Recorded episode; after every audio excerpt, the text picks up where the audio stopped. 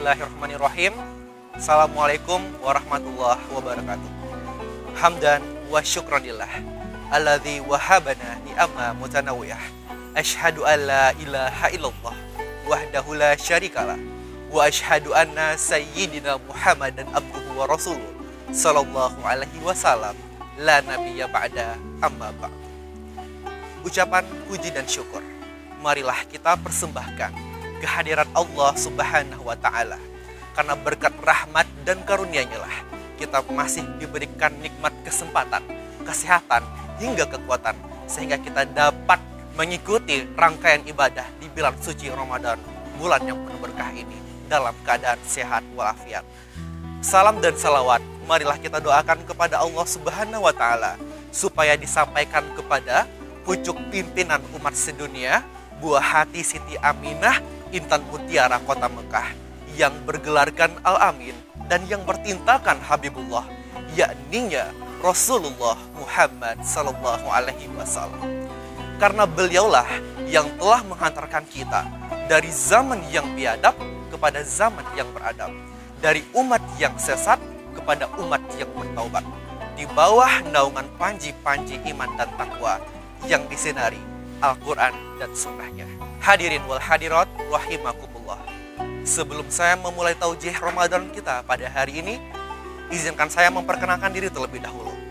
Nama saya Raffi Irfansyah dari Departemen Kaderisasi Fosmi Fakultas Kedokteran Universitas Riau. Hadirin wal hadirat yang berbahagia. Izinkanlah saya menyampaikan taujih Ramadan yang berjudul Mahakarya Agung Tiada Banding Al-Quranul Karim. Hadirin wal hadirat rahimakumullah. Al-Quran adalah pedoman hidup kita yang harus kita pegang dalam menjalani garda kehidupan yang penuh lika-liku problema yang tiada pernah tuntas. Maka sebagai muslim sejati, kita harus melangkah di rel yang telah ditetapkan oleh Allah Subhanahu wa taala dengan berpegang teguh kepada Al-Qur'an. Muslim boleh dibungkus baju polisi. Muslim boleh dibungkus baju dokter, seniman, artis, and other professions.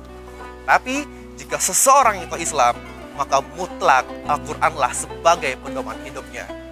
Bahkan Rasulullah Shallallahu Alaihi Wasallam telah mewanti-wanti dalam sabdanya yang berbunyi, Taraktu fikum amroini mata masakum bihima lam tadilun abadan. Kitaballahi wa sunnata rasul telah aku tinggalkan kalian dua perkara. Selama kalian berpegang teguh kepada keduanya, niscaya kalian tidak akan pernah sesat selama-lamanya, yaitu Al-Quran dan Sunnah. Hadirin wal hadirat rahimakumullah. Kita sebagai generasi pemuda Islam dalam Ramadan ini hendaklah kita mulai membaca, mengamalkan, serta mempelajari isi Al-Quran.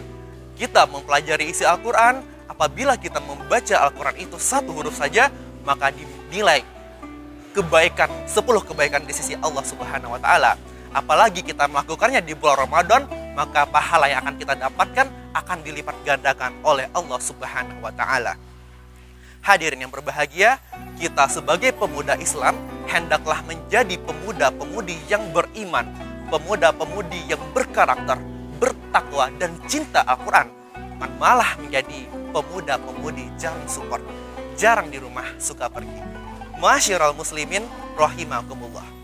Di era globalisasi ini, di mana ruang dan waktu tak lagi berjalan, ilmu pengetahuan membumbung tinggi bak meteor. Tetapi, mengapa malah iman yang merosot seakan-akan tak berharga lagi? Banyak pemuda-pemudi Islam zaman sekarang ini hanya menganggap sepele Al-Quran. Al-Quran sebagai kitab suci Al-Quran seharusnya tidak diperlakukan hanya dibungkus rapi dengan kain putih tersusun indah di lemari tak pernah digapai jari.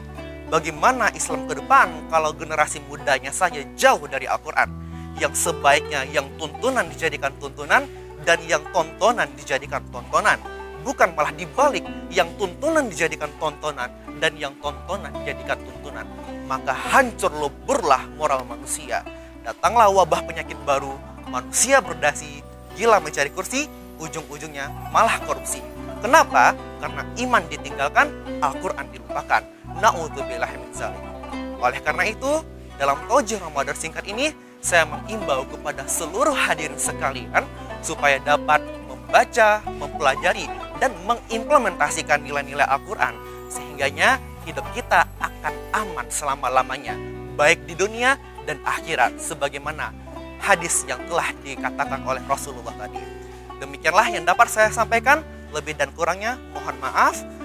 Wabillahi taufik wal hidayah. Wassalamualaikum warahmatullahi wabarakatuh.